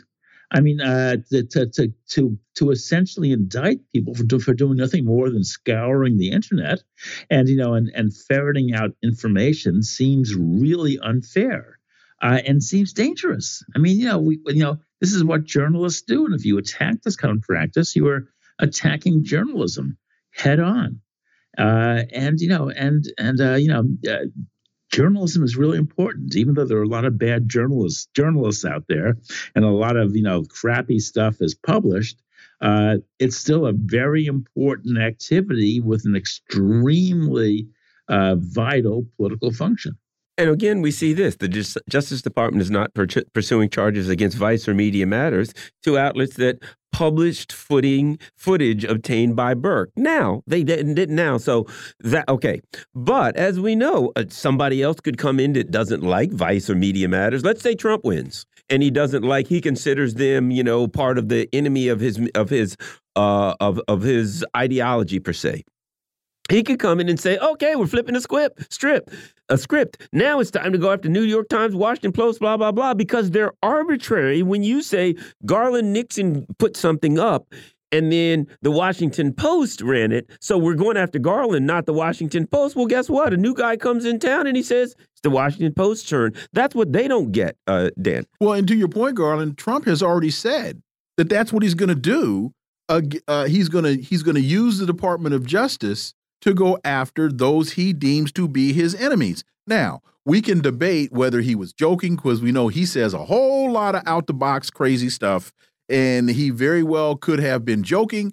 But we also know, as someone that could very well wind up being our next president, that's a very, very, very, very, very dangerous thing to say. And then it just flips every four years. Whoever's in power goes against their enemies. So one president goes after Fox, the, the next president goes after pattern. New York Times. Dan, that's developing now. This is actually this. You know, Barack Obama discussed this. That, you know, the, he said the reason he refused to to go after Assange was because of what he called the New York Times problem. That is, the uh, Assange had had fed information to the New York Times, which the Times was happy to uh, to to print, uh, but it meant that if it if uh, Assange was legal, legally vulnerable, then the, the Times was also. Um, and so, therefore, if Timothy Burke is legally vulnerable, then a whole wide range of journalistic outlets are as well.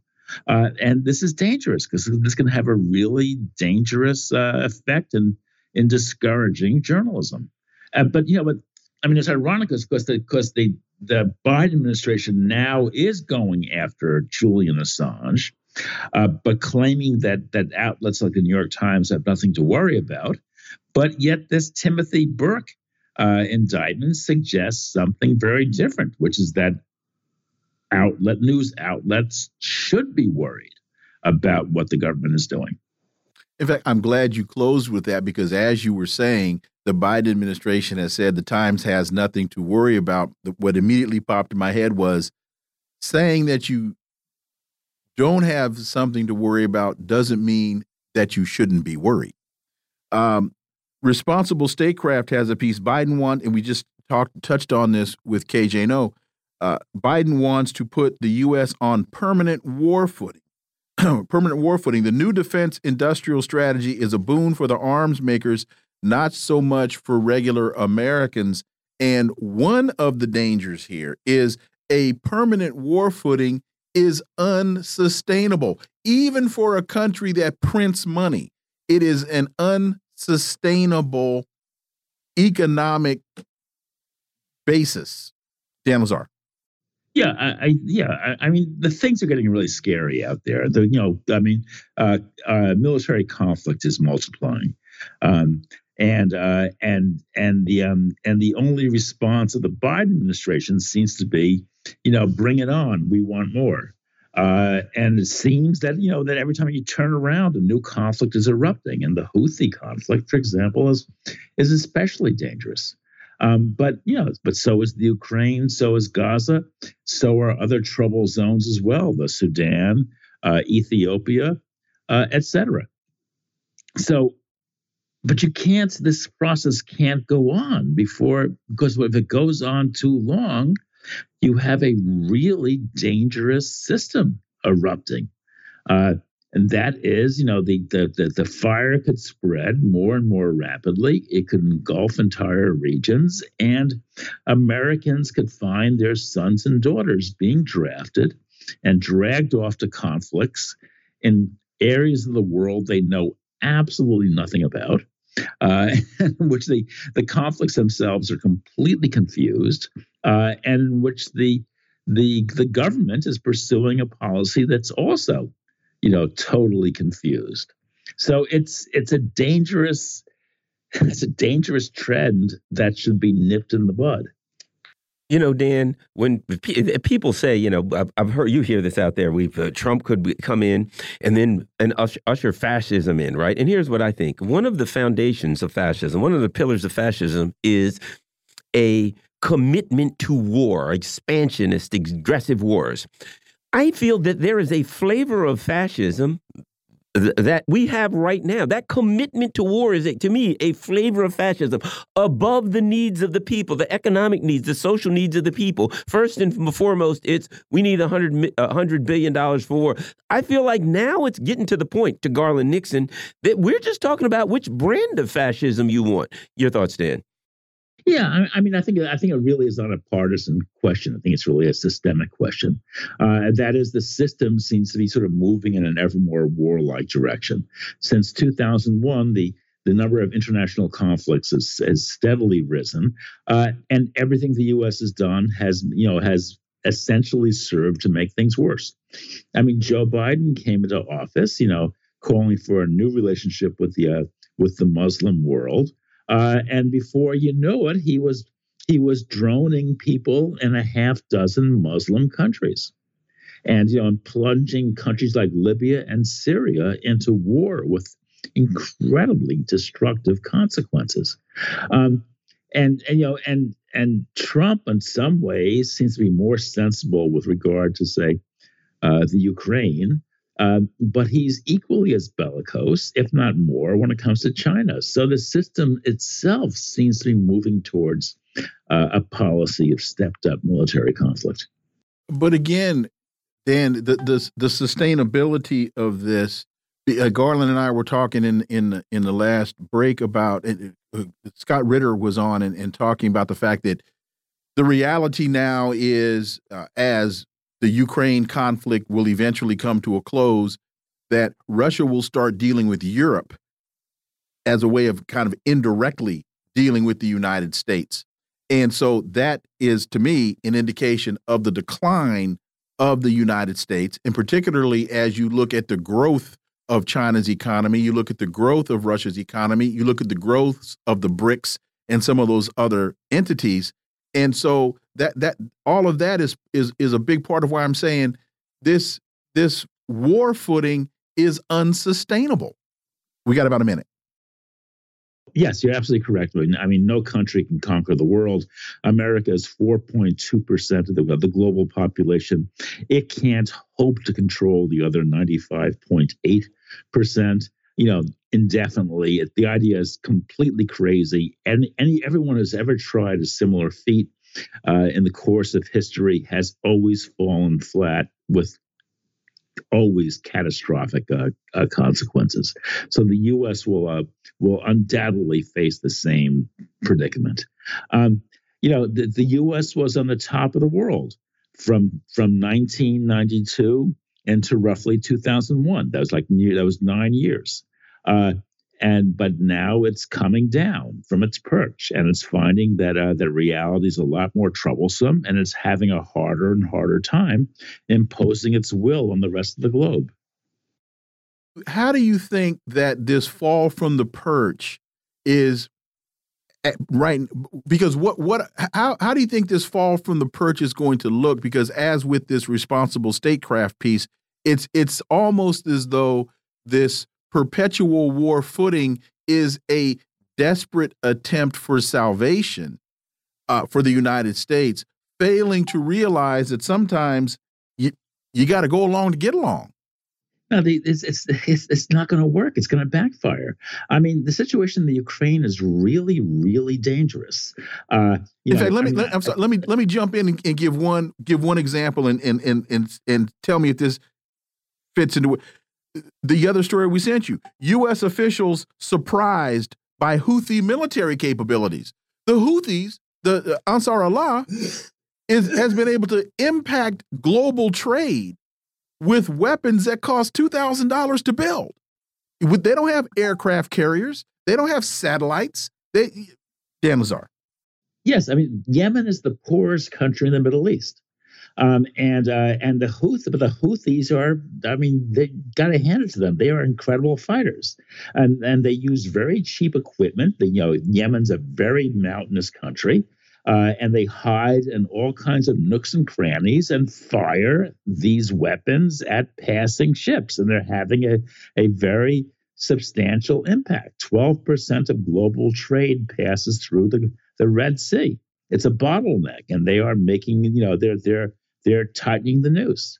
And there's and the it's just not clear what the U.S. can do. The I mean, U.S. firepower is really awesome, but there is a major military revolution underway uh, due to the you know the mass production of cheap drones, and uh, it, it's not very easy for the U.S. to counter these things. But this is this is predictable. I mean, you know, I, I, you can't dominate the entire globe all such efforts fall to a you know come to naught. And and meanwhile, you got the you got the, the, the Ukraine, which is very very dangerous, and you've got Gaza, which in some ways is even worse. No one knows how to solve these problems, and therefore it's very possible these conflicts will just grow and grow and grow until entire regions are consumed. Uh, and and that I think is more likely than not. Daniel Lazare. as always, thank you so much for your time. Greatly appreciate that analysis and the extra time. And we look forward to having you back. Thank you. Folks, you're listening to the Critical Hour on Radio Sputnik. I'm Wilmer Leon. I'm joined here by my co host, Garland Nixon. There's more on the other side. Stay tuned.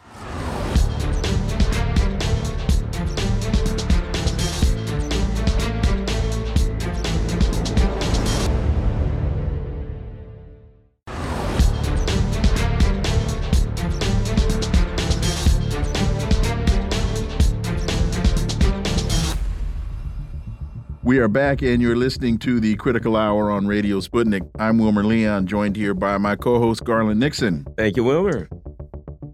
It's reported as ceasefire talks continue in Qatar, Palestinian Authority president accepts cabinet resignations.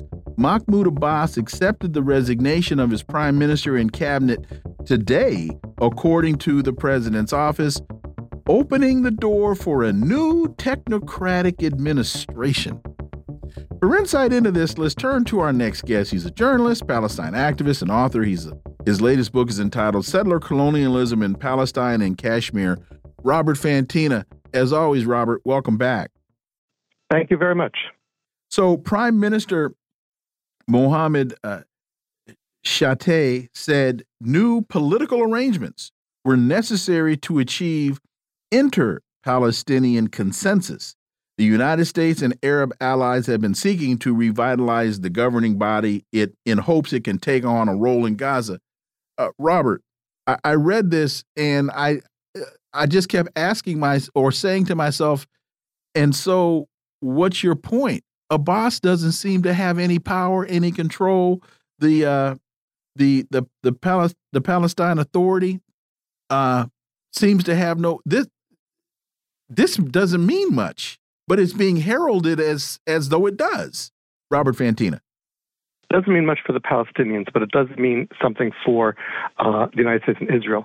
As you said, Abbas has no power. He is extremely unpopular. He is viewed as a traitor to the Palestinian cause, which he is. I have no question about that.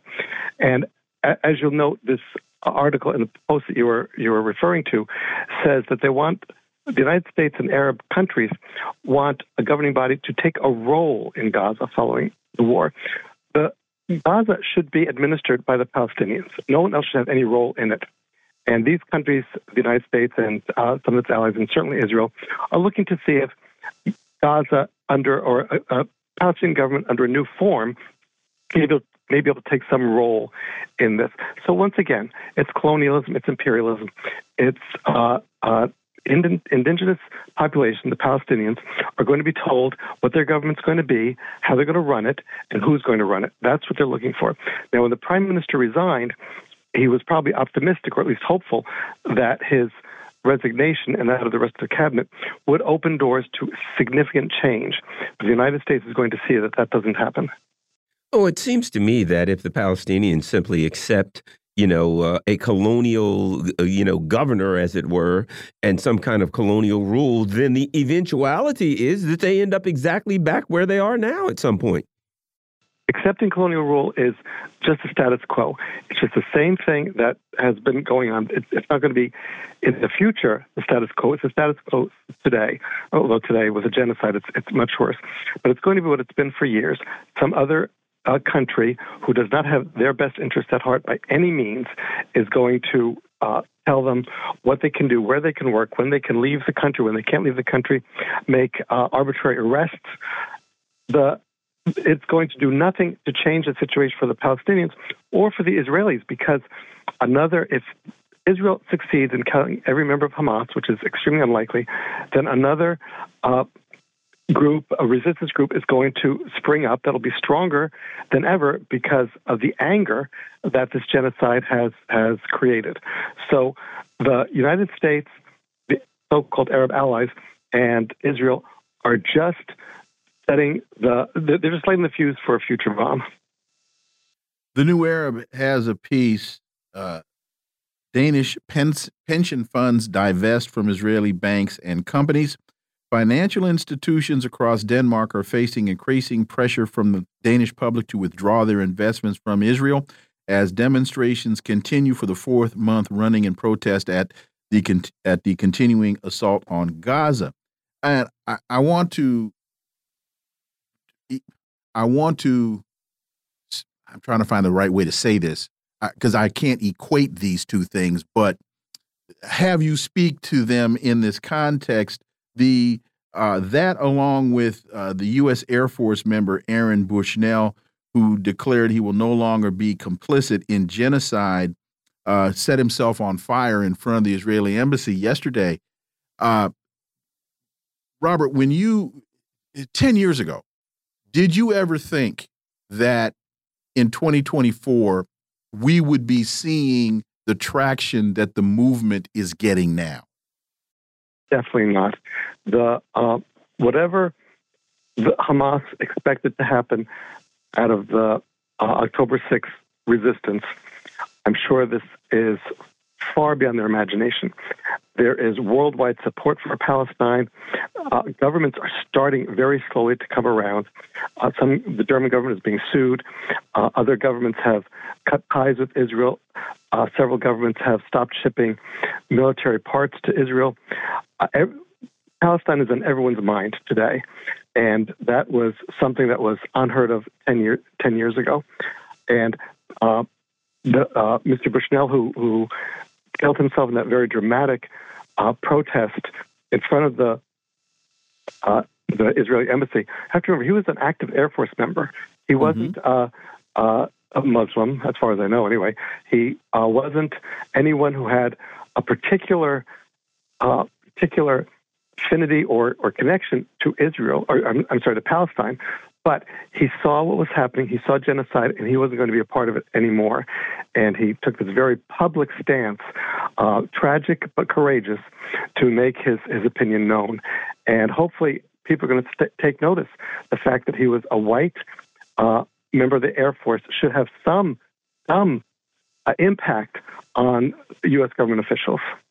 What keeps coming back to my mind as I've as I've read a number of works by by Fanon and his book uh, A Dying Colonialism, mm -hmm. and where where he he really is dealing with the psychology of the protest and what happens in a culture once the culture decides that they're going to shake off the shackles or the manacles of of oppression.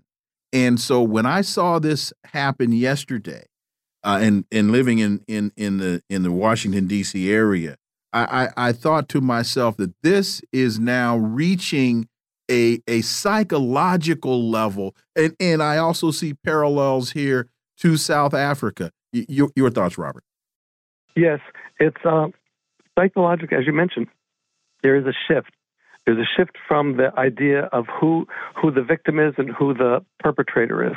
There's a shift in uh, where the sympathy belongs. There's a sympathy, uh, there's a shift in, in who the real suffering people are and who the, the threatened people are. Israel has always said that, oh, it's threatened and everything is an existential threat to Israel, uh, no matter what it is. A few years ago, uh, the uh, International Soccer Association was considering banning uh, mm-hmm. Israel Israeli participation, and they said that was an existential threat. So people are saying differently. The existential threat is to Palestine and the Palestinians. They're saying that they're the ones who are suffering. They are the victims. So this is a major change that we are seeing. And with the uh, financial institutions in Denmark that are being pressured to withdraw their divestments from Israel, and there's been some success with that, again, we're seeing this shift. Psychologically, people are identifying more with the Palestinians and recognizing that the the, uh, the aggressor is Israel. We see neoliberalism raising its head in this conflict again as Sputnik International reports the Israelis' military operation in Gaza are in a state of total chaos thanks to the outsourcing of its logistics and repair services to private contractors. Again, neoliberalism, there's got to be money made. There's got to be contracts given to your friends. There's got to be corruption and graft. And uh, the uh, neoliberalism is uh, putting a hurt on the, the, um, the Israeli military. Your thoughts? Yes, it is. And that's, as you mentioned, everything's got to be profit making. We saw that in the uh, Iraq war and the U.S. giving huge contracts to Halliburton uh, as people were, were suffering horribly there. And we're seeing the same thing here.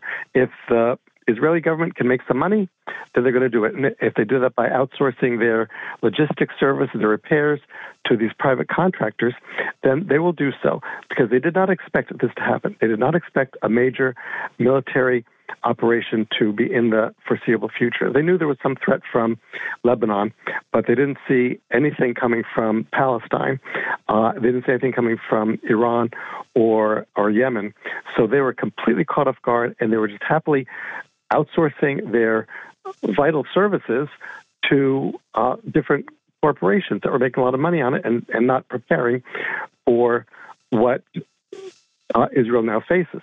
Uh, this is not a bad thing from certain viewpoints because they are not, uh, the Israeli military is not as efficient as it might be. And that is certainly to the ad- advantage of the suffering Palestinian people in Gaza and the West Bank. But again, as you mentioned, neoliberalism, no matter what's going on, genocide must be a profit making uh, uh, enterprise as anything else is. The military, repair, technology, it's all got to make money somehow, or it's not going to be done. And let me add this. This I will embarrassingly go back to something my daughter said when she was 15. I won't get with the whole story, but it ended like this. What do I care? It's your money. Okay. Bottom line is this. you can imagine that conversation, okay? I, I can't I imagine. Can. I can't imagine me thinking to say that to my father. But anyway, yeah, my ahead. daughter said, and I just shook my head and say, "Yeah, she's the boss, and I. What am I going to do?" At any rate, yeah. but uh, here's my point with Israel. What do they care? It's our money. Hey, we lost money, billions, millions, trillions. Netanyahu's got to look at Biden and say, "What do I care, dude? It's your money. Send another 14 billion over here and shut up." Go ahead. That's what happens. That's a, Israel can spend all the money it wants to and give its people uh, health care, uh, very reasonably priced higher education, and other services that U.S. citizens go without, and they're using U.S. taxpayer money to do it. So if the the Israeli military operations that are that have been outsourced are losing money, they're causing failures. Well, then Israel just demand more money from the United States to uh, to rectify that issue and build up the the uh, military or whatever it may be that is suffering because he's outsourcing. Because as as you said, what do they care? They they have a they have a, a money tap they can turn on anytime they want to, and the the money gushes out of the faucet. 30 seconds as we as we get out your your thoughts on this. Uh, there are those who will say that with joe biden being an admitted zionist that one of the reasons why he along with the united states is so committed to saving the zionist colony is that if it dies in their minds colonialism is dead as well Yes, and that's something that the United States government is really proud of. Their colonial uh, history and colonial presence. They they control so many governments by uh, overthrowing the democratically elected government and installing their puppet dictators that are often brutal, but they do the bidding of the United States. So to see Israel uh, failing in, in its current genocide, uh, although it's killing thousands, tens of thousands of people, and it's just so tragic and criminal. Uh, this is not something that the that is going to be pleasing. If if Israel has to cease fire, has to pull back, it's not going to be pleasing to the United States because it's it's ending Zionism, and that's a major colonial project that the United States has been sponsoring.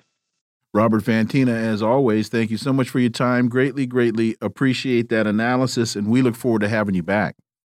Thank you very much. Folks, you're listening to the Critical Hour on Radio Sputnik. I'm Wilmer Leon. I'm joined here by my co host, Garland Nixon. There's more on the other side. Stay tuned.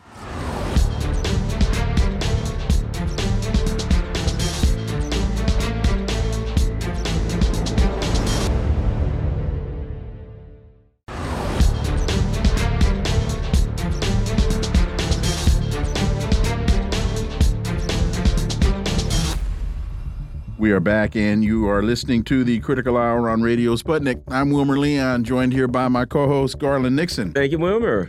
Pearls and Irritation has a piece entitled The Pretense of Justice Meted Out to Assange by the rules based order has come undone. The approval of Julian Assange's extradition is not only morally wrong, it appears to be wrong in law and serious questions should be asked of the UK Home Secretary as well as the Australian Prime Minister and Foreign Minister and the foreign former incumbents of those positions.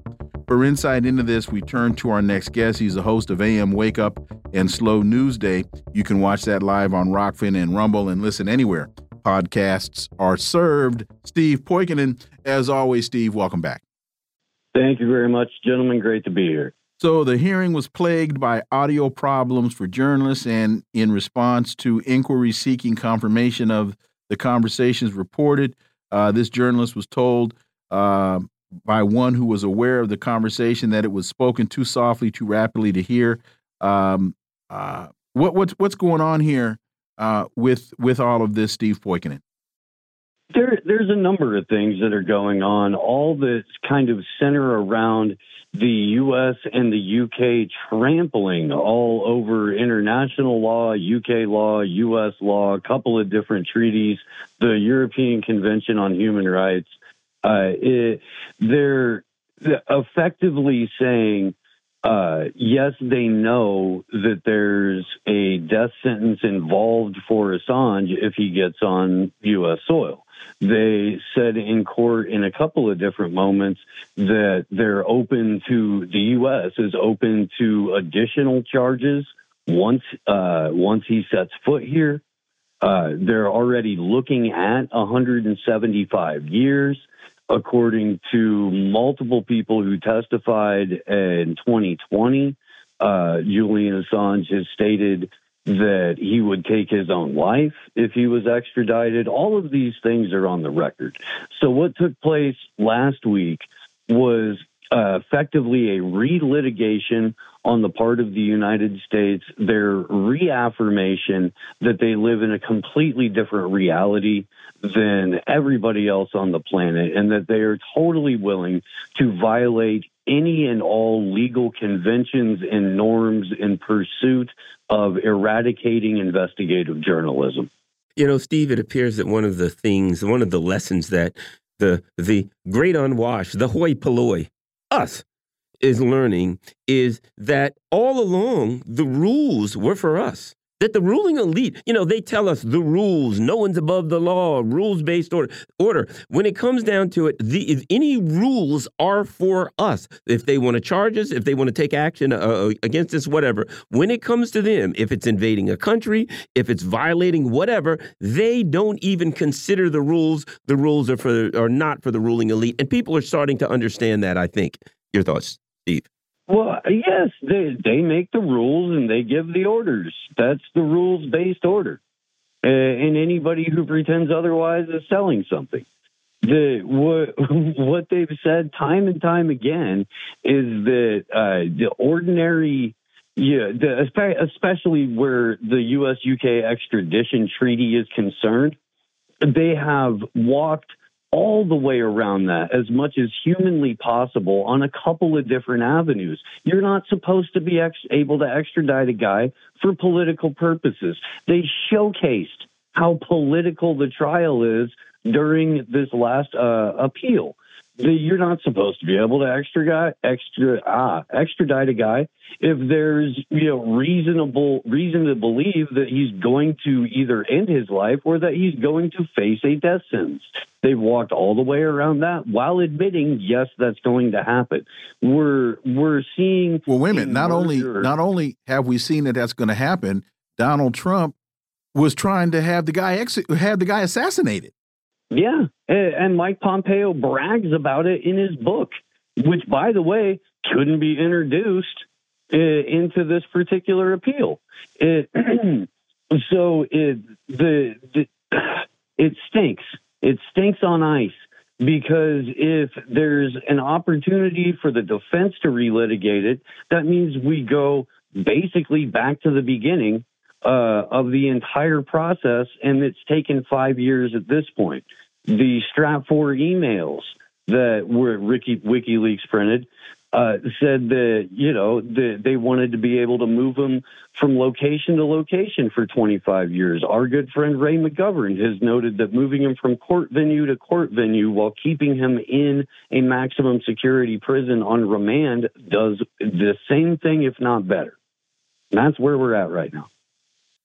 At what point, if any, does you, American mainstream media see this for the travesty that it is? Is it is it going to unfortunately require Assange to die in custody before the Rachel Maddows of the world see the atrocity for for what it is?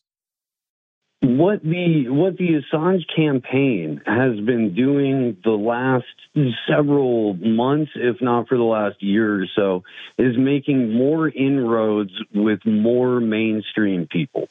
Uh, and so when the campaign itself sends a directive to all of the supporters in the U.S. that there needs to be a coordinated effort to force them to discuss this, that's when we're going to see a little bit more movement uh, out of it. Because the U.S. press has been told, I think this was being discussed uh, with the previous guest, the U.S. press has been told that they're they're safe as long as they keep doing what they're doing. The mainstream press, at any rate, they're going to get a pass as long as they keep up the propaganda. It's only the dissidents that are going to be hung out to dry. So they're not they're not incentivized on any level to talk about it without uh, much, much more immense pressure. And a lot of their peers are starting to make a significant more amount of noise about it. Garland, that's basically uh, paying the mob. Yeah. Pay, so long as you for paying the mob for protection. Yep. So long as you pay, your pizzeria won't burn down. But as soon as you come up a little short, everything's eh, going to go bad. Go ahead. Roger Waters has been hammering them, hammering them pretty well lately, and he's been saying that uh, the Assange hearing proves that the ruling class is full of it. And he gets into what we were just talking about the other day, and that is that as far as they are concerned, the ruling class is concerned, there ain't no rules. They do what they want to. They look at it and they say, "Well, it says that we can't do this." We I just got a call from Joe Biden and said do it. So ahead, go ahead and do it. That that people are starting to understand that. Anyway, Steve, your thoughts. God bless Roger Waters. Uh, he he says things to people that to an audience that we don't necessarily always have the opportunity to reach, and significantly more people when he does it. Uh, and he's correct. The, he's he's made several accurate statements about this process throughout, and we're watching we're watching the puppets and the rented mules hmm. of power stare blankly while the investigative journalism dies, while the person in Julian Assange is slowly being eroded, couldn't make it to court because broke a rib from coughing. You know, the the massive bone loss from or bone density loss from the antipsychotic meds that he's been forced to take. Yeah, the they're mm-hmm. you know if they can't kill him through lawfare, they're certainly trying pharmaceutically. Steve Poikonen, as always, thank you so much for your time. We greatly, greatly appreciate that analysis. We look forward to having you back. Thank you very much, gentlemen. Folks, you've been listening to the Critical Hour here on Radio Sputnik. Thank you for allowing our voices into your space. On behalf of myself and my co host, Garland Nixon, we hope you were informed and enlightened, and we look forward to talking with you all right here tomorrow on Radio Sputnik. Be safe.